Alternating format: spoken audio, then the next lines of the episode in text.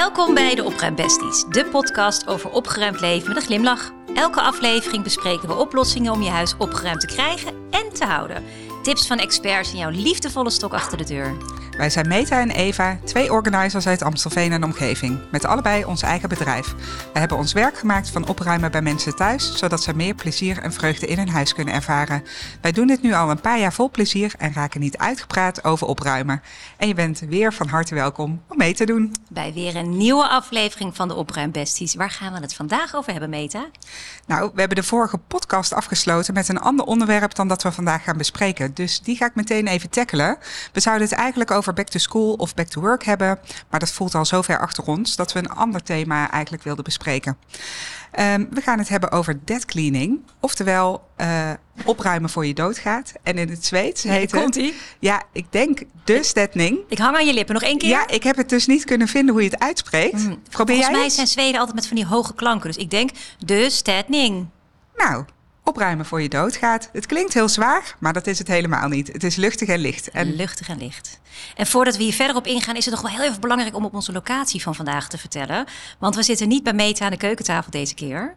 We zitten op hele grote hoogte, namelijk in de Alticom-toren op de Zuidas tijdens een van de meest toonaangevende Europese beurzen, de IBC, de International Broadcasting Convention. Media, entertainment en heel veel technische snufjes. Dus we voelen ons een beetje chic vandaag, hè? Ja, onze geluidstechnicus Mark heeft dat geregeld. Die ja. dacht, ze stijgen naar grote hoogte met hun 5000 downloads. En daar hoort een bijpassende locatie bij. Dus we kijken uit over Amsterdam. We horen in de verte de A10. We zien allemaal helemaal kleine autootjes die door parkeergarages proberen te manoeuvreren. Het is echt fascinerend. Ja. Hoe hoog zou het hier zijn? Is nou helemaal bovenin is 150 meter, geloof ik. Zo. Maar wij, daar zitten wij niet, toch? Nee. nee, dat hoeft ook niet. Nee, dit is hoog genoeg voor ons. um, ja, dankjewel, Mark. Ja, super. Want wie voor ons niet volgt, wat ook helemaal niet erg is. Ik uh, heb Eva verrast met een confetti-kanon uh, twee weken geleden. om te vieren dat we de 5000 downloads hebben behaald. Allemaal dankzij jou. Dankjewel. Ja. Dankjewel voor het luisteren. We, we, gaan, we voor, gaan de... voor de 10.000. Ja, en nu gaan we ook weer terug naar het onderwerp. Dankjewel. Opruimen ja. voor je doodgaat, vertaald uit het Zweeds. Waar dit? Wil je het nog één keer zeggen? De stedning. Ja, daar heet het dus zo. Margaretha Magnusson heeft er een heel leuk boek over geschreven. Super interessant. En het is ook opgepakt door HBO in Amerika, want die heeft er een serie over gemaakt: Dead Cleaning. Ja, en het gaat heel erg om de bewustwording over je spullen of de bewustwording van je spullen.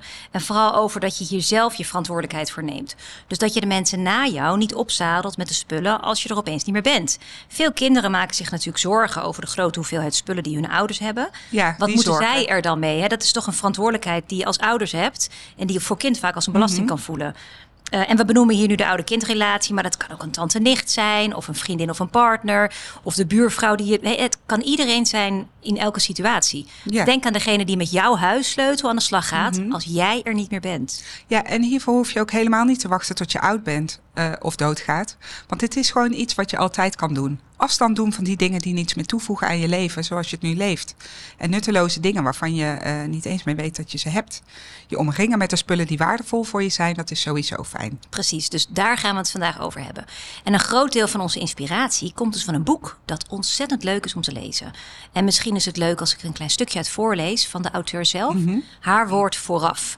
En daarmee vangen we eigenlijk alles in één keer. Niet dat we daarna stoppen met de aflevering, maar dit is wel, het is gewoon even handig. Ja. Dus daar komt hij. Het enige wat we zeker weten is dat we op een dag doodgaan. Maar daarvoor kunnen we bijna alles uitproberen. Jij hebt dit boekje misschien gekregen van een van je kinderen of als cadeau van iemand die in dezelfde situatie verkeert als jij en ik. Daar is een reden voor. Je hebt tijdens je leven veel mooie spullen vergaard. Spullen die je familie en vrienden niet op waarde kunnen schatten of waar ze niet voor kunnen zorgen. Laat mij je helpen ervoor te zorgen dat je dierbare, prettige herinneringen aan je zullen bewaren. Margaretha Magnusson. Mooi hoe ze dat ja, uh, toch? zo omschrijft. Sowieso, ja. ik ben een fan van het boekje. Mm-hmm. Het is een het is klein een boekje. boekje. Het is dat echt, is ook ja, goed om te weten. Het is echt, uh, nou, de, nou, klein. Van je hand op vlak, zeg maar. En helemaal niet dik. Maar het is heel luchtig geschreven. En ze benoemt alles zo ontzettend duidelijk. Mm-hmm. Het is echt een aanrader. Ja, en uh, door hoe zij het ook omschrijft... Bedachten we ons dat, we, uh, dat het goed is om aan mensen te vragen die, die daar nu mee bezig zijn, die midden in dit, uh, in dit proces zitten. Um, ik heb zelf uh, een, een klant bij wie ik nu aan het opruimen ben. En ik heb haar gevraagd om haar te interviewen. maar ze wilde graag anoniem blijven, dus Zij heeft een en ander op papier gezet oh, voor mij. Goed. Ja. Ja. Als ervaringsdeskundige is Super. zij. Dus ik ga haar woorden voorlezen. Wat is haar leeftijd ongeveer? Dat ze een beetje weten over wie het Ze is tussen de 60 en de 70 en met pensioen. Geweldig, dankjewel. Ik heb gezien dat bij overleden vrienden en mijn buurman alles radicaal uit huis werd weggegooid en dacht toen dat je beter zelf bij leven je spullen kunt uitzoeken. Overigens had ik dat ook al toen mijn moeder van groot naar klein moest en ik voor haar in korte tijd moest beslissen wat mocht blijven en wat weg moest. Je bent op zo'n moment je hele leven aan het doornemen en daar heb je soms iets meer tijd voor nodig. Ik had zelf al meerdere pogingen gedaan om op te ruimen, maar dat lukte niet. Ik was eigenlijk alleen maar spullen aan het verplaatsen en de hoeveelheid spullen die ik had was ook enorm, waardoor ik telkens weer ontmoedigd raakte. Toen heb ik besloten dat er professionele hulp moest komen om mijn huis weer terug te krijgen. Ik merk nu zelf dat ik van alle opleidingen en banen stukken heb die ik doorneem en daar stukjes van bewaar. Ik hoop nu één tijdschriftencassette per baan en opleiding over te houden en de rest mag weg. Door dat nu te doen, hou ik zelf de regie. En eerlijk gezegd kom je soms ook leuke en of ontroerende zaken tegen. Of zoals Meta het zegt, we gaan weer schat graven. Het gevoel wat ik nu heb, nu ik midden in dit proces zit, wisselt. Het ene moment denk ik, heerlijk, er komt ruimte. En het andere moment denk ik, er moet nog veel gebeuren. Het helpt als ik vriendinnen vertel wat ik doe. En ik heb ook gemerkt dat ik vaak de berg spullen zie en meta de ruimte die gaat ontstaan. Ik kan het iedereen aanraden om op te ruimen. Ik hoorde vaak van mensen dat je het gewoon moet doen opruimen dus. En nu ik met Meta aan de slag ben, willen ze allemaal weten hoe dat is. Het fijne is dat ze ook alles meeneemt aan het einde van een sessie, zodat ik niet in de verleiding kom om toch weer iets uit de dozen of zakken terug te halen. Ik merk ook dat ik tussendoor bij uitzoeken soms vastloop. En dan komt zij en hop op hop, weg is het probleem. ik heb haar nog nooit horen zeggen, wat is het hier een puinzooi. Ook fijn als je weet dat het wel zo is, want daardoor is er hoop. Oh, eindigen met hoop is altijd een goed idee. Ja, toch? Ik vind het ook heel mooi dat ze, dat ze benoemt dat mensen vaak ziet zeggen: je moet het gewoon doen. Dat Ja. hoor je zo vaak. Terwijl het is echt niet voor iedereen zomaar gewoon doen. Nee, dat ze, ik denk dat het vaak de mensen zijn voor wie het gewoon vanzelfsprekender is Ja. om, om eh, op dagelijkse basis eh, spullen op te ruimen of Ja. weg te gooien of even dingen weg te zetten. Dat is gewoon voor, niet voor iedereen zo. Nou, echt heel fijn dat ze dit met ons wilde delen. Want het geeft denk ik heel duidelijk weer ehm, wat, er, wat het voor haar doet. Hè? Ja, zeker. Ja. Het is een heel goed voorbeeld van death cleaning.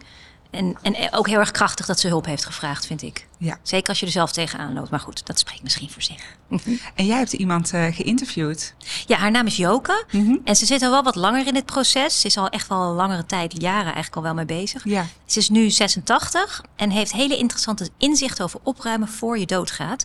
Dus laten we even luisteren. We hebben een paar fragmenten met haar. Mijn naam is Joke en ik woon in Uithoren. Mijn kinderen zeggen, we zetten wel een eh, container neer, hè?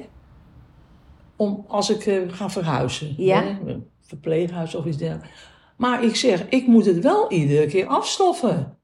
Ja, dat is waar. Tot die en die tijd. kasten, Ja, want ze zeggen, laat toch staan, zeggen ze dan. Ik zeg, ja, maar ik moet het wel steeds uit die kasten halen, schoonmaken, weer terugzetten. Voor haar is het onderhoud dus een hele belangrijke reden om dit te doen. Omdat daarmee eh, haar huishouden dus makkelijker moet, zodat ze niet meer alles hoeft af te stoffen. En dat is wel belangrijk, zeker als je fysiek eh, wat minder mobiel bent of wordt. want bent u er nog mee bezig? Zit u er nog ja, middenin? al jaren. Toch wel. Ja. Al jaren al. Ja, Oh, en dan pak ik weer eens een, eh, een stapel papieren. Dat ik denk, nou, zoals van mijn moeder, 20 jaar terug overleden, of eigenlijk 23 jaar terug. Die condolences en alles, nou, van haar. Dus dat heb ik eh, nu allemaal opgeruimd. Ja. Aan mijn kinderen nog gevraagd en doorgenomen. Nou, mijn man, 20 jaar terug. Ook een hele doos met condolences en weet ik wat allemaal. Ik denk, nou, je wordt er, ik heb het weer allemaal gelezen, daar word je weer naar van. Toch wel? Ja, Ja. dat, dat grijp je toch weer aan. Ja. En ik denk, nou, zij willen het ook niet, weg daarmee. Nou ja, toen heb ik allemaal eh, dozen gekocht bij blokken van die plastic eh, dozen. En daar doe ik dan de dingen in dat ik denk, ja, dat is nog wel fijn om dat te bewaren. Hè? Brieven Ja. en eh, zijn diploma's en van mezelf. Ja. Dat je gewoon het, nou, een beetje gaat schiften. En- Wat je nog belangrijk vindt om te bewaren. Ik vind het zo mooi dat ze heel bewust kiest voor wat ze nog wil houden. Hè? Ja. En daarmee wordt het ook veel overzichtelijker. En ze zegt zelf ook dat het niet altijd makkelijk is, maar dat ze er toch doorheen wilt. Want zij voelt zich verantwoor- verantwoordelijk voor wat er in haar huis staat en wat er met die spullen gebeurt als ze er niet meer is. Ze zoekt eigenlijk op deze manier voor heel veel spullen al een goed huis. Ze is gewoon heel gemotiveerd daardoor. En ehm, nou ja, we luisteren even verder, want ze heeft nog meer dingetjes. Ja. Hoe voelt het voor u? Hoe vindt u dat om dat soort dingen te doen? Keuzes maken? Want u zegt net, Nou, ik werd er akelig van. Prima. Oh, dat wel. Ja. Hij ging met de zonnebloem mee. Nou, plakboeken. Heel leuk. Ja. Maar die paar jaar dat ik nog eh, hier rondloop, dan doe ik daar niks meer mee. Oh, wat een mooi inzicht voor u. Oh, dat Ja. vind ik echt dat u dat heel mooi verwoordt. Nou ja. Ja. Maar heel veel mensen vinden dat dus heel lastig, hè? Omdat het herinneringen zijn, een soort van heilige reliquieën waar ze eigenlijk niet zo goed aan kunnen komen. Maar dat komt ook omdat ik nou zoveel ouder ben. Ja. En eh, ja, je gaat dingen mankeren en om, me heen hè, hoor ik er zoveel mensen, eh, nou ja, dat ze in ene uit hun huis moeten. Ja. En ja, of, of ik was gisteren bij iemand die 90 is geworden. Ja, ik moet eigenlijk ook aan de gang. Ik was een keer bij de, toen hebben we een doos gepakt. Zit alles nog in het celofaan van, eh, ja, hè, de, eh, Oh. blaadjes en Ja, zo. ja, ja, ja. Dus ik ben daar samen. Ja, we waren er wel zo door, zeggen ze. Ja. Keuzes maken. Mooi dat ze een inspiratiebron eh, bron probeert te zijn voor, eh, voor haar omgeving. Hè, je vriendin van 90 eh, inspireren om eh, nu toch echt eh, met, de, met de spullen aan de gang te gaan. Dus je kan hier gewoon altijd mee beginnen, ongeacht je leeftijd. Helemaal waar. Nou ja, omdat ik het ook ja, toch vervelend vind. ik heb mijn schoonouders eh, een paar keer moeten verhuizen. Mijn moeder. Het is verschrikkelijk, Ja? vind ik. Ja. Voor de kinderen. Om het, want daar ben ik al zo lang bezig met dat uitzoeken. Ja. Het moet toch allemaal door je handen gaan. En, en dat is dus ook voor u het echt de voornaamste reden om dit te doen. Ja, eigenlijk wel. Ja. Ja. Want je komt toch en- dingen tegen eh, hè, van de notaris en met, nou ja, dat toch wel eh, belangrijk is Ja. om dat uit te zoeken. En dan kun je niet zeggen, die hele stapel, die gooi ik zo Nee, nee, papierbak. nee, dat is dan weer niet helemaal. Nee. En, en als u het niet doet en u bent er niet meer en zij moeten doen, is het voor hen veel ingewikkelder om te begrijpen wat is dit en waar kijk ik naar. En dan hebben we nog één gekke vraag wellicht, eh, misschien een beetje brutaal. Zijn er ook documenten, liefdesbrieven waarvan u zegt, of ook andere waarvan u zegt, ik heb er doorheen gelezen en ik wil niet dat anderen dit zien, dus ik gooi het weg. Of ik bewaar het op een plek achter slot. Heeft u ook dat soort objecten of dingen? Ja, want mijn man heeft eh, gevaren. Oh, En die brieven had ik nog allemaal. Ja, Die heb ik allemaal doorgelezen. en toen? Dan heb ik bij sommigen een paar stukken afgeknipt. Oh, toch wel? Ja, Heeft u die weggedaan, die stukken? Ver- Ja, natuurlijk. Ja, oké, dus dat is niet meer te zien. nee. U heeft het gewoon gecensureerd. Ja, vind ik wel heel grappig, vind je niet? Ik ook. En heel slim ook van haar, want dan weet ze ook gewoon over me niet zorgen om te maken. Wat, trouwens ook nog wel ehm, eh, een leuke a- aanvulling daarop is dat de schrijfster van het boek waar we het vandaag over hebben, die heeft zelf een, ehm, een- doos eh, Ja. apart gezet en daar heeft ze heel groot opgeschreven weggooien. Dan weet je dus ook gewoon, ehm, als, als het moment daar is en je bent er zelf niet meer, dan kunnen je nabestaanden die doos gewoon oppakken en in de container gooien. Ja, en dan niet nieuwsgierig eh, nee, proberen nee te zijn. dat is dan wel het respect voor ja, wat de wens is van de ja, overledene. En dat zijn de afspraken dan Ja. die je kan maken Maar dan zou je dus niet hoeven te censureren. Je kunt ook zoiets doen. Lekker intapen, weggooien. Ja. En wat je ook niet moet vergeten is... als iemand komt te overlijden, heb je al genoeg aan je hoofd. Dan is een huis leeghalen een hele grote extra belasting. En dat moeten we niet onderschatten. Nee, Dat is echt heel veel. Maak afspraken. maak afspraken. Ja. Ik vond het ook echt heel interessant om te horen hoe zij dit aanpakken. Zowel Joke als eh, de anonieme dame. Voor hen is het helemaal geen zwaar thema of iets wat verdrietig is. Het is voor hen een hele concrete en logische manier om orde op zaken te stellen. En tussendoor ook meer te genieten van hun huis, omdat ze gewoon minder onderuit hebben aan al die spullen die hen geen vreugde geven. Je merkt dat er twee grote motivaties of drijfveren zijn dat ze dit willen doen. Ja, je ziet dat de voornaamste drijfveer is dat ze de mensen na hen eh, niet willen opzadelen met al hun spullen. En zelf de regie willen houden over hun spullen. Want voor anderen is het eh, veel ingewikkelder om door al die spullen heen te gaan. Beeld je maar in als jij eh, spullen hebt van je ouders of je tanden zonder hen erbij. En dan moet je bij alles afvragen, wat is dit? Is het waardevol? Had het waarde voor hen? Heeft het waarde voor mij? Is het belangrijk? Mag het weg? Voor wie hebben ze het bewaard? Er gaat echt een heel leven door je handen en dat is echt heel veel werk. Dus ik denk dat dat de belangrijkste drijfveer is om eh, te starten met opruimen. Maar eh, een hele andere grote tweede drijfveer kan ook zijn dat je een lichter leven Mhm. leeft. Zonder al die spullen die onderuit hun aandacht vragen. Dat is echt een andere hele grote drijfveer die we, die we terug horen. Je hebt al die boekenkasten niet meer nodig als je één voor één afscheid neemt van je boeken. Je kunt misschien kleiner gaan wonen. Je hoeft niet meer zoveel te stoffen of schoon te maken. Er komt meer ruimte, letterlijk, voor andere dingen en momenten. Het neigt daarmee een beetje naar minimalisme. Maar een heel groot verschil is dat deze methode uitgaat van de gedachte dat je niet per se minder spullen hoeft te hebben, maar wel alleen spullen die echt van waarde zijn voor jou. En dat je het goed regelt voor de spullen die je wel wilt houden. En dat kan alleen jij bepalen. En daarom voor je doodgaat. Ja, en eigenlijk uh, is het natuurlijk niet heel veel anders dan, dan gewoon opruimen. En gewoon dan. Uh, hè, het woord gewoon is altijd heel heftig, maar we zeggen het nu even als mm, gewoon. Ja, om het gewoon, te gewoon opruimen. Ja, iets ja. wat je elke dag uh, ja. kan doen. Hè, de keuzes maken en spullen afvoeren. Maar het grote verschil is dat er nu gewoon geen tijdsdruk is. Hè. Je bent op een moment aangekomen in je leven dat je, dat je de tijd hebt en, en er ook jaren over kan doen hè, als je wil. Ja. En een ander groot verschil is ook dat het meer een project is wat doorgaat naast gewoon je dagelijkse dingen. En je kan de ene week je een bepaalde kast doen en, en een paar weken later weer een andere kast. Uh, en als je geen zin hebt, dan, dan, dan kun je het gewoon even laten voor wat het is. Precies. Je kan er elke keer weer mee beginnen. En uh, vaak is bij een normaal opruimproject gewoon een begin en een einde. En gaat het om een rigoureuzere aanpak. Ja. Dus eerst veel chaos en dan overzicht en rust. En hier is je uitgangspunt. Uh, op op één moment, hè, dat je dan echt te veel spullen ervaart uh, in je huis, dat dat je motivatie is om op te ruimen. Wat denk je? Zijn we toe om uh, wat tips te gaan geven over, over hoe je het aan kan pakken? Ja, ja leuk, goed Want idee. ik kan me voorstellen dat hè, je, je hoort dit en je denkt van... oh, is, is het wel voor mij nu? Ja, of ik herken het heel erg, dat je denkt, ja, jeetje. Ja, uh, hè, en ook ja. um, dat je denkt... oh, maar het huis van mijn ouders is echt super vol. Hè, wees geïnspireerd om, om, om de tips vast mee te nemen. En, en, het is bespreekbaar alvast heel te maken. Goed. Ja, want we gaan, we gaan deze keer niet echt een stappenplan meegeven. Nee. Maar we willen je meer zes tips geven waarmee je aan de slag kunt. Waarmee je morgen of middag al kunt starten. Ja. Um, dus de, de, eerste tip. Het eerste wat je kunt doen is het bespreekbaar maken met je familie en vrienden. Meta ja. zei het net eigenlijk al. Vertel mensen dat je dit gaat doen en leg uit waarom. Als eerst weten ze dan dat ze je geen spullen meer hoeven geven. Of het moet heel specifiek op je verlanglijstje staan. Maar het is ook heel erg handig zodat ze later in het proces al op de hoogte zijn. Als je vragen hebt of als je er wellicht hulp bij nodig hebt. Maak ja. het kenbaar. Ja, en dat brengt me ook meteen bij tip, uh, tip 2. Want uh, bepaal of je hulp nodig hebt.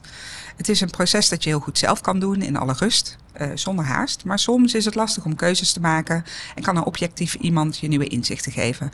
Of misschien wil je het toch samen met familie doen. Is het ook fijn om over de spullen te praten, hè, die je ja, handen die, die voorbij komen. Dus vraag hulp die je nodig hebt, maar blijf zelf gewoon in de regie. Ja, dat is wel gewoon belangrijk dat je in de regie moet blijven. Dat je niet het uitgeeft, dat, dat je jezelf niet overdraagt aan iemand anders om het voor je te doen. Jij blijft de eigenaar, jij ja. bent verantwoordelijk. Dat is wel belangrijk. Het zijn jouw spullen. Precies. Een, uh, een derde tip is: begin niet met foto's of brieven of andere sentimentele dingen. Bewaar dat voor het einde als je dan een tijdje bezig bent met keuzes maken. Hè. We hebben het hier vaker gehad over de opruimspier die je kunt trainen door het vaak te oefenen. Hoe vaker je keuzes maakt, hoe makkelijker het gaat. Ja. En dan tegen de tijd dat je klaar bent met alles behalve sentimenteel, kun je ook makkelijker door de sentimentele spullen heen. Ja, dus begin ook net bij alle opruimprojecten met iets wat makkelijk voor je is. Precies. En dat verschilt ook per persoon, hè? Ja, ja. Voor de een zijn dat kookboeken en voor de ander is dat kleding. En, en weer een ander zegt neem een, uh, mijn boekenkast bijvoorbeeld, want daar heb ik niet zoveel mee. Of hè, ik noem maar wat. Ja, het, uh, wat voor jou, uh, ja. waarvan jij denkt van, oh, dat, dat, daar heb ik niet zoveel moeite mee, denk ja. ik. Nou, probeer het gewoon en ga ermee beginnen. Um, ik heb de volgende tip. Nodig iemand uit waarvan je weet dat hij op uh, kamers gaat en, of, uh, um, en misschien weinig budget heeft. En misschien wil die wel wat spullen van je, van je hebben als jij uh, bijvoorbeeld gaat minderen in je keuken. Ja. Hè, met de spullen. Dus, maar laat het wel volledig vrijblijvend zijn. En geef mensen ook dan de optie om te kiezen. want alles wat er overblijft, dat kun je gewoon naar een goed doel geven. Maar vooral je huis uit. Ja, dat is echt de belangrijkste keuze. Ja, ja dat gaat je huis uit. Um, ja, de volgende tip is plak een sticker onder een object als iemand daar iets liefs of moois over heeft gezegd. En dan schrijf je dienstnaam er gewoon op en dan weet je dat het na je dood naar die persoon kan gaan. Diegene kan dan altijd nog denken, nee dankjewel, maar dan heb jij er in ieder geval een uh, sticker op geplakt. Ja. Ik moest helemaal bij, dit, bij deze tip moest ik aan mijn oma denken. Mm -hmm. Mijn oma is uh, al lang overleden. Ik was een tiener. Mm -hmm. Ik zal niet zeggen hoe lang dat geleden is, maar lang geleden. En mijn oma liet ons altijd door de woonkamer lopen met een stickervel en een pen. Ik logeerde heel vaak bij mijn oma. Ja, ik vind het toch wel bijzonder. Ja. En dan wilden ze dat we zelf stickers gingen plakken onder de spullen die we Mhm. wilden hebben. Als zij dood was. En dat vond ik zo moeilijk, want dan liep ik daar en dan denk ik van ja, ik vind dit wel een heel schattig beeldje, maar als ik het eronder plak, is het net alsof ik wil dat ze doodgaan, weet je wel. Het, het voelde voor mij totaal niet eh, penang of senang, hoe zeg je dat? Terwijl ze nog levend en gezellig naast me stond. Dus terwijl ze eigenlijk gewoon zeker wilde weten dat al haar spaarzaam bewaarde spulletjes goed terecht zouden komen. Ehm, ik denk dat we daar als familie eigenlijk wat meer over hadden moeten praten met elkaar. Want het, het idee vind ik eigenlijk nog steeds heel charmant. En het had ook iets heel leuks kunnen zijn. Maar het voelde altijd een beetje, denk ik van ja, oké, ik moet weer met een sticker door de woonkamer lopen. En weet je wat ik altijd zeg? Ik zou willen dat een overlijden net zo prettig zou voelen als een geboorte. Ja, Omdat het snap ik. precies zoveel bij het leven hoort. Hè? Het Ja. is allebei gelijk. Alleen Eh, andersom. Ja, alleen andersom. Dus eh, hè, als er eh, bij een geboorte, dan is er hè, veel vreugde, slingers Ja, en, ja. en giften. Ja, En dan bij een overlijden wordt het heel zwaar. En dat is ook heel begrijpelijk. ja. Maar hoe fijn als je dus zo luchtig over spullen al kan doen. Zonder te denken, net als Ja. jij bij je oma, van ja, maar je bent hier nog. Maar hoe fijn dat ze, ze denkt van nou, maar dan, En ik had, ik had echt een hele leuke band met mijn oma. Ik vond het altijd gezellig met haar. En we gingen, weet je, ik kreeg altijd ontbijt op bed als ik bij haar was. We konden onze pyjama urenlang Monopoly spelen, weet je. Ik had echt de tijd van mijn leven. We gingen ze woonde bij de Dappermarkt, dus we gingen altijd gezellig naar de markt samen. Ik, ik kan echt door met de herinneringen en leuke dingen gaan. Alleen dit stuk vond ik altijd een beetje lastig. Terwijl echt achteraf, wat ik net zeg, heb ik echt het idee dat ze al heel bewust bezig was met van het einde komt eraan. Of ik moet kleiner gaan wonen. Of ik, of ik ben er straks niet meer. En ik heb zoveel spullen verzameld om me heen van mijn reis en mijn dingen. Daar moet ik wel iets mee. Ja. En, dat- en ze dacht mij waarschijnlijk een plezier te doen. Dus ik zei er ook wel eens iets van, nou, oh, maar dat vind ik een beetje gek hoor. Weet, je, het, weet u het zeker en zo? Ja, gewoon doen. Het, ik kan het toch niet mee mijn graf innemen. Weet je, Dat dat, soort opmerkingen. Zij had helemaal gelijk. Alleen Ja. ik als tiener was- stond ik daar en we hadden het nooit over de dood thuis. Nee. Had ik het, nee, dan was ik niet echt. Dus nee, ik denk echt dat het van waarde was geweest als we het als familie gewoon besproken hadden of zo. Ik heb nu wel een brandende vraag. Oh, ik wil het horen. Want je oma is overleden. Ja. En, en eh, heb je uiteindelijk iets uit haar huis? Nou, dat vind ik dus heel lastig. Ik, dat weet ik dus niet meer. Althans, natuurlijk weet ik wel of ik iets van mijn oma heb, maar ik Heb weet jij dus het nu. stickerplakken omzeild? Ik- het zou best kunnen dat ik dacht, nou, ik plak hier snel een sticker op, want dan is mijn alsof. oma tevreden Ja. dat ik iets heb gedaan en dat, dat ze overleed en dat ik inderdaad dat ding kreeg en dat ik dacht, eh, ik heb, ik, het is niet, echt- weet je wel? Dus ik weet het echt niet meer. Ik weet het, ik, ik heb wel iets van mijn oma, maar eh, dat, dat heb, daar heb ik nooit een sticker onder geplakt, snap je? Nee, grappig hè? Dus, dus soms Ja. kun je het ook zo proberen te regelen. Ja. En, eh, Ja, maar ik ben, ik, ben, ik was een kleindochter, ik heb een zus, ik heb een nichtje, ik heb een neef. Maar de- het is niet zo, zeg maar, de hele huisraad en spullen, dat is allemaal naar haar dochter gegaan, weet je wel? Want dat was logisch. Ja. In die tijd denk ik dat je dat zo deed. Dus, eh, ja. Maar en jij? Want ik, ik ben wel benieuwd, heb jij ook ooit een stickertje moeten plakken dan ergens? Nee, ik heb nooit een stickertje eh, moeten plakken. Maar eh, ik, was, ik, ik ben altijd een heel duidelijke pers- persoon geweest. Echt waar, Meta? Ja. Duidelijk, ja, ja. Ja, heel duidelijk. En eh, ik kwam dan vroeger bij mijn opa en oma. Die woonden in Den Bosch eh, aan zo'n singel. En eh, die hadden van die deuren en suite. En eh, met van, van die ingebouwde kasten dus aan, Oh, aan beide zijden. Ja. En in, in de linkerkast, daar stond altijd een fotoblikje. Eh, want vroeger had je gewoon nog niet zoveel foto's. Dus de foto's die je hadden, die waren dan van die vierkante zwart-wit fotootjes. Ja. En altijd als ik bij mijn opa en oma was, dan, dan pakte ik dat blik uit de kast. En dan ging ik daar lekker mee zitten. Oh, en dan vroeg ik, oh, wie zijn dit en wie zijn dit? En bij heel veel foto's was het toch ook niet helemaal duidelijk. maar, maar toen heb ik echt al heel duidelijk aangegeven van... als jullie er later niet meer zijn, mag ik dat fotoblik eh, blik dan hebben? Want, eh, Hoe reageerden ze erop als je dat soort dingen zei? Moest je het elke nou, keer we zijn nog lang niet gezegd? dood. Ja, ja, en, eh, ja, Nou ja. uiteindelijk is mijn oma helaas eh, vrij jong overleden. Eh, maar mijn opa heeft dat blik nog heel lang eh, gehad. Maar uiteindelijk eh, wist iedereen eh, toch Oh, dat in was- de familie dat, ja, dat ik dat fotoblik graag Dus je wilde hebt het hebben. vaker dan één keer gezegd. Ik denk het wel. Ja. Ja. ik ben ook heel gek op foto's. en de foto's zelf ook, of waren die er al uit? Die waren eruit. Ja. Ja. Dus ik, heb, ik heb het fotoblik gekregen. Ja. Ik vind het wel heel erg grappig dat zo'n. Want eh, het sowieso, als je nu denkt over foto's. Ik denk dat ik wel tien fotoboeken zou kunnen vullen met alle foto's. Gewoon eh, hè, van onze eigen jeugd, zeg maar. Ja. Maar de generatie daarvoor, die had natuurlijk nog heel weinig foto's. Ja, hoe fijn is dat? Ja? kunnen we ook een podcast aan wijden. Ja, noteer je hem even? Fotografie. Fotografie. Nou, je hebt, side note even, je hebt dus een organisatie van organizers die gebundeld zijn in het. eh, Ja, de FON. Ja, in het eh, organiseren van foto's. Want dat is echt een specialiteit apart. Ja, Met de een Foto Nederland. Nederland. Super slim idee. Ehm, ja, oké. Het boekblik, het fotoblik. Ehm, ik ga er natuurlijk weer een foto van delen. Ja, oh, ik ben wel heel benieuwd. Ik ben ook benieuwd hoe groot hij is. Hij is helemaal niet groot. En hij heeft ruitjes. Oh, ruitjes. Ja, Sorry, ik word afgeleid. dat, krijg, dat krijg je met zo'n mooie omgeving. Opeens denk je, wow, wat is dat? Oh, en ik zie A, het, het, het oude Shell-gebouw en AI. Jeetje, wat kunnen we... Het is heel helder, jongens. We kunnen heel helder vooruitkijken. Maar we hadden het over eh, nog een tip. Want we hebben nog een tip. Ja, we hebben nog een tip. Want als je veel antieke voorwerpen hebt of eh, familieerfstukken waar je nog geen afstand van kan doen, dan is het wel goed om deze objecten te documenteren. Dus schrijf de naam van het object en wat het is en in welke kamer je het bewaart en van wie het is geweest en hoe dat je het hebt gekregen of gekocht. Gewoon in een Word-bestand of gewoon in een boekje of op je bloknoot. Eh, en dat kun je eh, sturen naar je nabestaande of je curator, testamentair executeur of iemand anders, eh, zodat, zodat je weet dat het dan in goede handen is als jij er niet meer bent. Je kan aangeven waar het naartoe mag en aan welk doel je het kan geven. En eh, dat het ook vrij staat om hier een keuze in te maken. Maar dan weten ze in ieder geval hoe dat ze naar dit soort spullen moeten kijken. Want Ja, want wat, die vraag weer van wat is het, waar kijk ik naar, dat is dan opgelost. En ja, want ik kan me voorstellen dat het ook heel erg lastig is, zeker bij oude spullen. En, Ja. en er wordt heel vaak afgevraagd van, is het waardevol Precies. of niet? En hoe fijn als je gewoon ergens op, eh, een blad erop na kan slaan van, oh, dit is waardevol, hier moet ik wat mee doen. Ja. En ook wat je ermee moet doen. En wat we ook niet moeten onderschatten, is wat we wel eens eerder besproken hebben met z'n tweeën, is dat er ook, we komen best wel vaak spullen tegen bij mensen die gewoon ook echt van eh, historische waarde zijn. Ja, Dus ook, we- ik noemde net even het Rijksmuseum, maar eh, misschien eh, heb je wel iets in huis wat geschikt is voor eh, een museum om te bewaren. En, en, en weet jij dat nog, omdat het eh, drie of vier generaties terug is, hè? of het zijn centjes van heel lang geleden, ik weet niet eens wel, of een heel mooi tasje, hè? Ja. met hele mooie kraaltjes kwamen we laatst natuurlijk tegen. Dat je dan weet dat dit heeft waarde, dit is geschiedenis. Dit is niet iets wat verkocht moet worden van de kringloop. Of dit, is, dit hoort in een museum thuis. Je kunt daar zelf in, in het leven ook al werk van maken. Als je zegt, ik wil er nog wel graag naar kijken. Dat je afspraken maakt als er komt te overlijden, gaat dat object en dat, dat museum of die stichting. Of...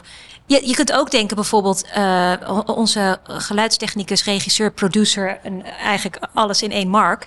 Die heeft heel veel voor de regionale omroepen gedaan. Die had op een gegeven moment heel veel materialen over. En die heeft dat gedoneerd aan het eh, Beeld- en Geluidmuseum. Dan denk ik, jij en ik zouden denken, ja het is een plopkap, weet je wel. Maar dan denk ik, ik voor Beeld en niet of ik Geluid... het zou herkennen, Nou, überhaupt. sowieso. Jongens, een plopklap zit om de microfoon. Dat Ja. zorgt ervoor dat niet al die spuug op de microfoon komt. Eh, maar in ieder geval, dat, dat is voor zo'n museum van beeld en geluid heel interessant om te kijken. Ja. Heb ik daar wat aan? En dus ik denk dat dat ook wel even leuk is om te benoemen. Dat we niet moeten onderschatten als je echt dingen hebt van waarde. Ja. Regel dan in je leven al dat je kijkt waar het naartoe gaat. Ja, zoals hè, eh, er zijn nog heel veel mensen die, eh, die de oorlog hebben meegemaakt. En daar hè, bijvoorbeeld nog voedselbonnen hebben. Oh, en ja. en, en Ja. dat soort items eh, uit die periode. Maar ja, dat wordt natuurlijk steeds, steeds minder. Want Ja. die mensen die zijn wel allemaal nu tussen de 80 en de 100. En, en ja. Sowieso is het voor die doelgroep vaak heel lastig, omdat die in schaarste zijn opgegroeid. Ja, Dus dat, dat merken we natuurlijk zelf ook als we bij mensen thuiskomen. Als je nooit. Eh, we hebben zo'n overdaad nu. Onze kinderen groeien op in welvaart en overdaad. ja, kun je het niet gewoon even bestellen? Precies, weet je, dat is ongelooflijk. En dat is, die generatie is zo anders opgegroeid. Ja. Dus die hebben ook heel erg moeite om dingen, is mijn ervaring, los te laten zonder dat het een nuttig doel heeft. Nou, ze zijn heel zuinig ook. Ja. eh, één op hun spullen. En duurzaam. En, en, ze bewaren, bewaren vooral dingen voor het geval dat Ja. je het nog een keer nodig eh, Precies. kan hebben. Maar goed, hoe, hoe maak je dit nou bespreekbaar met je moeder, tante, vader of je eigen kind? Want we spreken er nu over dat jij aan de slag gaat met jouw inboedel. Jij bent je bewust van wat er komen gaat en wilt graag voorbereid zijn. Daarom luister je vandaag waarschijnlijk ook. Maar soms is het andersom. Dan kijk jij als een familielid bezorgd naar de toekomst, omdat er heel veel werk op je afkomt met soms een onmogelijke opdracht. Voor als je vader of moeder of tante of buurvrouw of vriendin er niet meer is. Hoe maak jij nou bespreekbaar dat je graag wilt dat iemand gaat deadcleanen? We zetten een paar opties voor je op een rij. Want wat nou als jij straks de huissleutel krijgt? Ja. Geef aan dat je je zorgen maakt. Er zijn zoveel spullen en, en dat je eigenlijk gewoon niet weet wat je daarmee zou moeten doen. Sommigen zullen antwoorden dat je het allemaal in de container mag gooien na hun dood. En dat is ook een antwoord en dat mag je respecteren. Maar neem de zorg van je kind serieus. Dat is heel belangrijk. Ja. Een andere optie is dat je aanbiedt om te helpen. Het is een mooie kans om samen met iemand eh, zijn levensverhaal te horen aan de hand van spullen. En zie het dan als een project waarmee je bijvoorbeeld één zondag in de maand samen luncht of borrelt en tussendoor een ruimte aanpakt. Ja, dan heb je ook nog de derde optie. Vraag eh, of iemand objectief je komt helpen. Bijvoorbeeld een opruimcoach. Maar in alle gevallen geef aan dat je je zorgen maakt. En dat je graag wilt dat je eh, serieus genomen wordt hierin. En, en dat je familielid meedenkt over een oplossing. Heel goed. Maak ze verantwoordelijk voor wat ze hebben gecreëerd. En, en hou het natuurlijk altijd dramavrij en lekker luchtig. Luchtig. Ja, dat moet ik. Mijn, mijn ouders hebben dit gedaan toen ze gingen emigreren naar Brazilië. Ja. Toen was ik dus eh, begin 20, eh, ongeveer 24 jaar geleden. Ehm, en volop met mijn eigen leven bezig. Ik Mhm. ging net samenwonen. En ik was, was er nog helemaal geen zicht of wens op eigen kinderen bijvoorbeeld. Maar toch kan ik me nog goed herinneren dat we door de spullen van mijn ouders in de box gingen. Want ze moesten dus ontzettend downsizen. Er kan maar zoveel mee in een kist over de Ja. oceaan. En mijn moeder had veel dingen bewaard voor mij en mijn zus die we niet per se wilden hebben. Super lief, maar nu konden we dus wel zelf aangeven dat het weg mag. Hè, mama, van dit hoeven we niet. En ik weet, mijn moeder is dus wel redelijk emotioneel. Dus jij zegt, eh, hou het drama vrij en luchtig. Dat lukte niet. Nou ja, dat is natuurlijk heel moeilijk als je heel... Ja. Maar, maar het was... We hadden Het waren toch ook natuurlijk de emoties van de waar. emigratie. ja, de reis en alles. Ja. En het is wel, maar het was wel oké, want ik kon het tegen haar zeggen. We konden het erover hebben. We hebben dat moment samen gehad en ik heb het ook uitgelegd. En, en dan is het helemaal oké. Ja, Ja, en ik heb bijvoorbeeld wel het trouwservies van mijn ouders meegekregen. En daar eten wij nu nog thuis elke dag van. wat ontzettend leuk. Ja, dat vind Ja. ik bijvoorbeeld wel super. Ja. Ja. Nou, mijn ouders, die, eh, die probeer ik ook af en toe gewoon te inspireren om, om eens door hun spullen heen te gaan. En eh, ehm, ja, soms is mijn moeder geïnspireerd en dan. eh, ze, ze had he- een hele grote verzameling met blauwe vaasjes. Daar heeft ze heel veel moeite Van die voor. hoge? Nee, Want die zie je heel nee, veel nee, van land op. Ze Oh. houdt van bloemschikken Ah, en, en eh, het is een bepaalde kleur blauw. Ze houdt heel erg van blauw. En, en er waren op een gegeven moment, hè, elke, na elke speurtocht, bij welke kringloop dan ook meer Het blauwe ja, blauwe, blauwe potjes, vaasjes Ja. eh, gekomen. Alleen eh, nu was dat geen, geen hot topic meer. Eh, ze was eh, uitverzameld. Toen zei ik van nou, wat nou als je toch eens kritisch kijkt en echt alleen die houdt die je echt heel mooi vindt. Lukt dat? Ja, dat heeft ze gedaan. Maar eh, ze zei wel van ja, het heeft me zoveel moeite gekost om, om deze verzameling te krijgen. Ja, je hebt er heel Ja. erg van genoten, maar dan kun je het nu wel loslaten. En ze is daar eh, behoorlijk in gaan snijden. En, en ze heeft nu echt de allermooiste bewaard. Oh, wauw. Vind, ik- vind ik heel erg leuk dat ze daar dan Ja. toch, toch mee aan de slag is gegaan. Ja, want het verzamelen is dan op een gegeven moment geen doel meer. Of zo, hè? Dat, eh, je kan, je kan, als je iets verzamelt zoals blauwe vaasjes, kan het gewoon het verzamelen zijn. Juist. Maar als je dan op een gegeven moment na jaren naar de collectie gaat kijken, heb je altijd wel favorieten. Of dingen dat je denkt, ja, die staat erbij omdat het een blauw vaasje was, maar die hoort niet bij de top 5 bijvoorbeeld. Juist. Ja, oh ja, en, mooi. En wees, of laat je meteen ook geïnspireerd zijn als je een verzamelaar bent. Hè, eh, eh, als je het even loskoppelt van hè, ik verzamel blauwe vaasjes eh, of ik verzamel alleen vierkant schilderijen. Van, van welke, vind, ja, welke vind ik nou echt het, het allermooist en, en, en dienen ze nog het doel? Heb jij vroeger iets verzameld? Of Ehm, gespaard? Hè? Wat is het, wat is het woord? Nou, niet echt. Alleen, eh, ja, ik heb een guilty pleasure. Dat is puzzelen. Dus ik heb eh, wel een hele grote verzameling eh, Jan van Haasteren puzzels. Oh, die zijn zo leuk. Ja, die zijn ook heel erg leuk om te maken. Ja. En tijdens corona kwamen ze ontzettend goed van pas. Want alle puzzels waren overal uitverkocht volgens mij. En ik had mijn verzameling, ik heb ze allemaal weer gemaakt. Maar eh, ik, ik ben wel heel kritisch erdoor geweest al. Van welke vind ik eigenlijk niet zo leuk en welke kunnen weg. En, maar hoeveel heb je eh, er nog ongeveer voor mijn gevoel? Ik denk eh 40. Oké, maar dat zijn dus puzzels die je echt leuk genoeg vindt. Ja. Ja. En die hebben ook een mooie plek. En eh, nou, de buurvrouw eh, leent wel eens een puzzel. Nou, nu niet meer, maar die heeft ook heel veel puzzels Ja. eh, ervan gemaakt. Of, of anderen die het leuk vinden. Dus ik leen ze ook graag uit. Zeg ik, ja, Ik heb het laatst met mijn ouders nog gedaan trouwens. Waren ze op bezoek in Nederland. Ja. Toen hebben we, in de, hebben we een hele grote Jan van Haaster heet hij, ja, puzzel gemaakt. En het was echt heel gezellig ook. ja. Ja. Het, ik, het is Ja. een leuke bezigheid. Ik verzamelde alles van Pie- Pieter Konijn, Pieter Rabbit. Weet je wel, Oh, van? Beatrix Potter. Ja. Heb je daar nog wat van overgehouden? Nou, nee, uiteindelijk heb ik jaren geleden eigenlijk bijna alles wel weggedaan. Ik heb nog een paar dingetjes. Maar ik vond het konijntje gewoon heel erg leuk. Maar op een gegeven moment liep dat ook een beetje uit de hand. Dan was het van, oh, dit is ook wel leuk. En, dan ga je objecten verzamelen omdat het konijntje erop staat. Maar dus, nee, dat, toen ik ging samenwonen heb ik dat eigenlijk meer dan wel weggedaan. Nou, dat is ook een goeie om nog even op te noemen. Want vaak denken mensen, oh, zij spaart Peter Ja, Rabbit. nou, dat. Nou, en dan krijg je Ja. alleen nog maar spullen met Peter Rabbit Oh, erop. ja. En dan loopt het ook totaal uit de hand. Dus omdat jij iets verzamelt, betekent niet dat de hele wereld met je mee moet verzamelen. Nee, nee.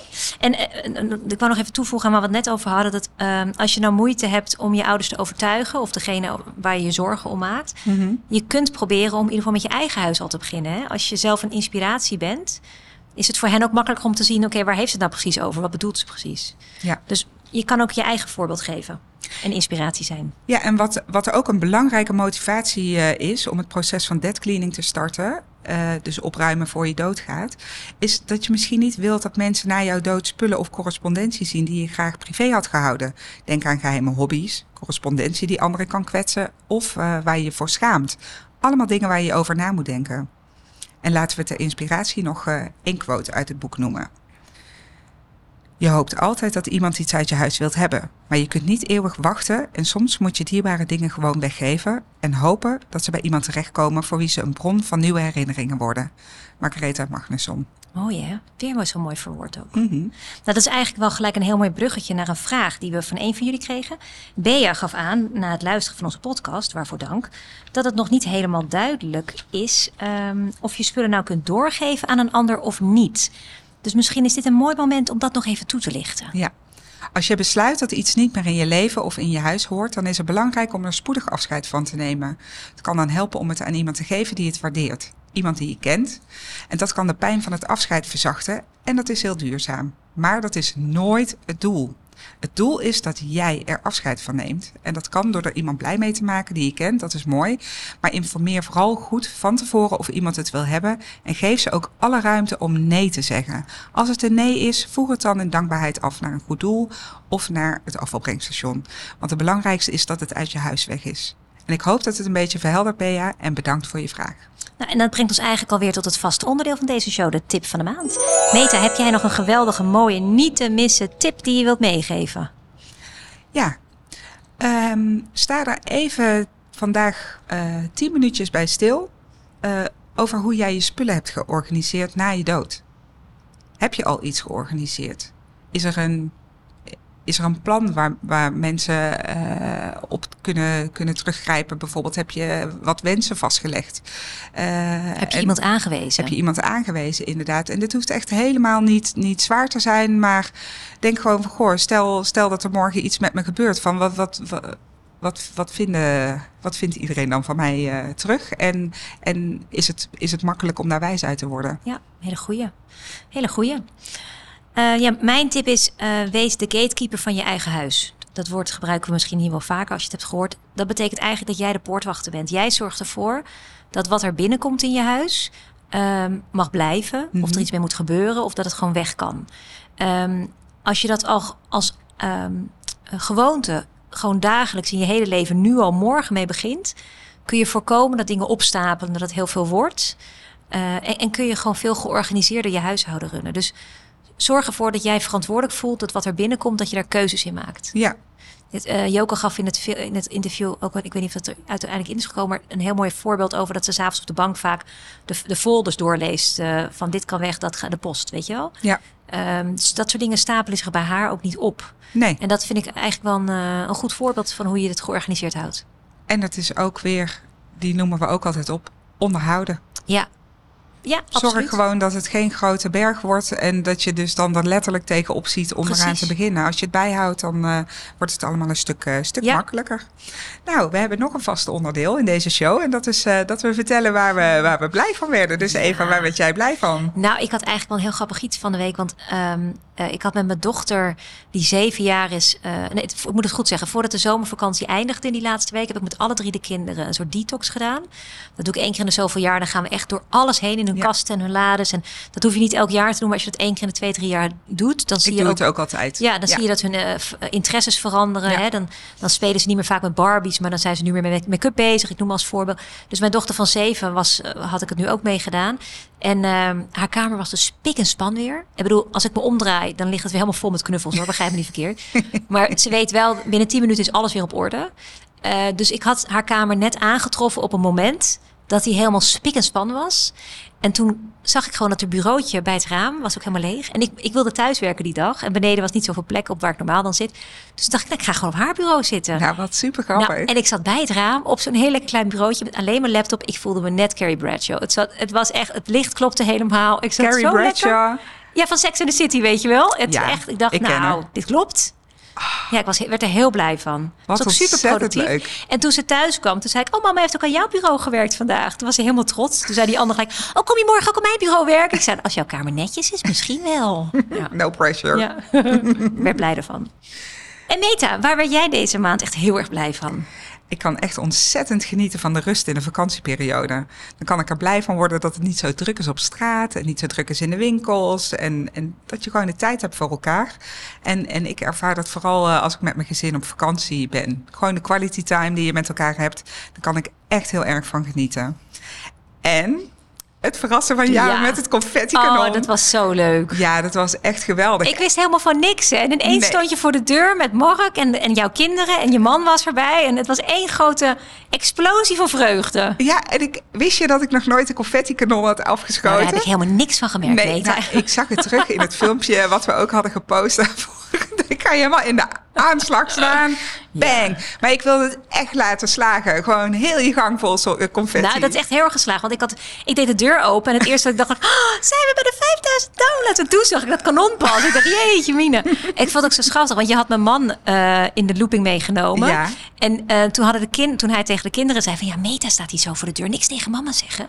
Toen hadden de kinderen dus gelijk zeg maar... Papa, eh, onze hond is bang voor een confetti kanon. Want Oh, we hebben het in de ja. woonkamer wel eens gedaan. Nou echt, die kwam drie weken niet onder de tafel meer Ach, vandaan. Dus dat vond ik ook zo schattig. Dat die gingen ook helemaal mee in het ritme van... oké, dan moet iemand even met de hond gaan wandelen als Meta hier komt. Ja. En dat heb ik allemaal niet in de gaten. Hè? Nee. Ik mis dit soort dingen altijd. Dus ik vond het heel erg leuk. Ja, geweldig. Ja. En, en vooral je reactie was, was helemaal top. En ik denk dat het ook supergoed is geweest dat ik jou heb verrast en jij niet mij. Want ik weet niet of ik net zo heerlijk blij had gereageerd Oh, als ik jij. weet zeker van wel. Nou, ik ga me alvast voorbereiden op de 10.000 hoor. Ik moet even nadenken wat we dan gaan inzetten. Misschien een koor met mannen met van die trommels die aankomen, weet je wel? Van die pling, plang, plang, plang, plang, plang. Oké, we hebben weer een actiepuntje. Hoopvol naar de toekomst. Oh, nou, zin in. Maar dat brengt ons eh, wel alweer tot het einde van deze achtste podcast-uitzending. En Ja. en ja, natuurlijk leuk dat we het volgende maand weer gaan doen. Ja, maar dan zitten we alleen niet hier op hoge hoogte. Dit was eenmalig. Ja, Jammer. maar dat geeft niet. Waar gaan we het over hebben? Ja, de eh, volgende keer gaan we het hebben over het afvoeren van spullen. En dan, Oh, dat is ja. iets wat we in elk, bij elke Ja. klant, in elk huis, in elk proces loop je tegenaan. Je maakt keuzes over wat wil je, je wil houden. Maar dat betekent dus ook dat de spullen weg moeten. Ja, En wat doe je met die spullen? Je kunt ze naar de kringloop brengen. Je kunt ze verkopen op marktplaats. Wat ook weer heel veel voeten in de aarde heeft. Dus kortom, en welke goede doelen en zijn welke er? goede doelen zijn er? Ja, en wat is nou een geschikt doel voor jou? Wat is voor jou makkelijk bereikbaar? Nou, we kunnen er echt Uren over praten. ook weer. En we beteugelen ons een beetje met 40 minuten. Ja, maar dat, misschien dat het iets langer dan wordt. Ik denk dat we elke keer die 40 minuten niet halen. Ik denk dat we het wel kunnen ambiëren in ieder geval. Dat is ook heel goed. Een soort, Hierbij een belofte van ons. ja, Nou, we hebben deze episode opgenomen op 13 september. eh, in de Alti-kantoren op de Zuidas in Amsterdam. Met dank aan Mark Brouwer die achter de knoppen zit. In de show notes van deze aflevering vind je meer informatie over de onderwerpen waar we over spraken. Wil je meer weten over ons? Dan vind je ons op onze socials, waaronder Instagram-account, Opruimbesties en onze eigen websites Organize Now en organizebijeva.nl. Heb je nog een vraag of een opmerking over deze podcast of wil je in contact komen met ons? Stuur dan een e-mail naar opruimbesties@gmail.com. Bedankt voor het luisteren en tot de volgende keer. Dag!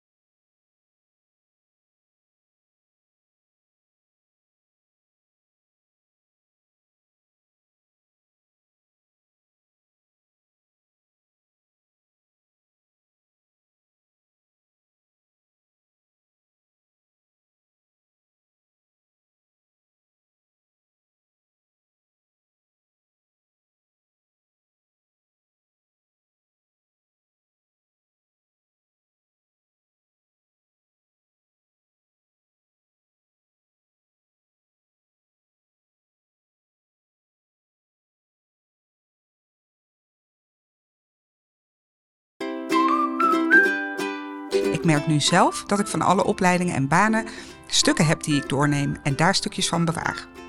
Ik hoop nu één tijdschriftencassette per baan en opleiding over te houden en de rest mag weg. Door dat nu te doen, hou ik zelf de regie. En eerlijk gezegd kom je soms ook leuke en of ontroerende zaken tegen. Of zoals Meta het zegt, we gaan weer schat graven.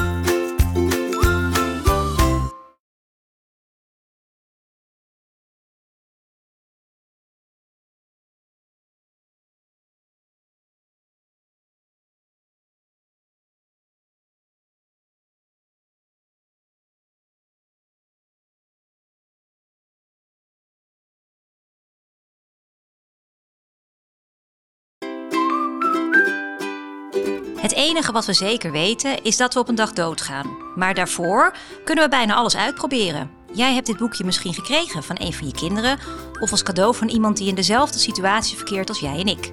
Daar is een reden voor. Je hebt tijdens je leven veel mooie spullen vergaard. Spullen die je familie en vrienden niet op waarde kunnen schatten of waar ze niet voor kunnen zorgen. Laat mij je helpen ervoor te zorgen dat je dierbare, prettige herinneringen aan je zullen bewaren. Margaretha Magnusson.